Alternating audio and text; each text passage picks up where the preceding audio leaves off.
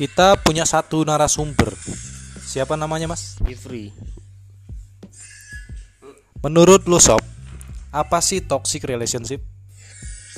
toxic relationship itu hubungan pacaran yang eh, saling menyakiti gitu deh Oke. Apa pendapat lu sob? Kalau pasangan lu suka ngancam, mau selingkuh. oh ya dan buang aja cari yang lain Oke, sip.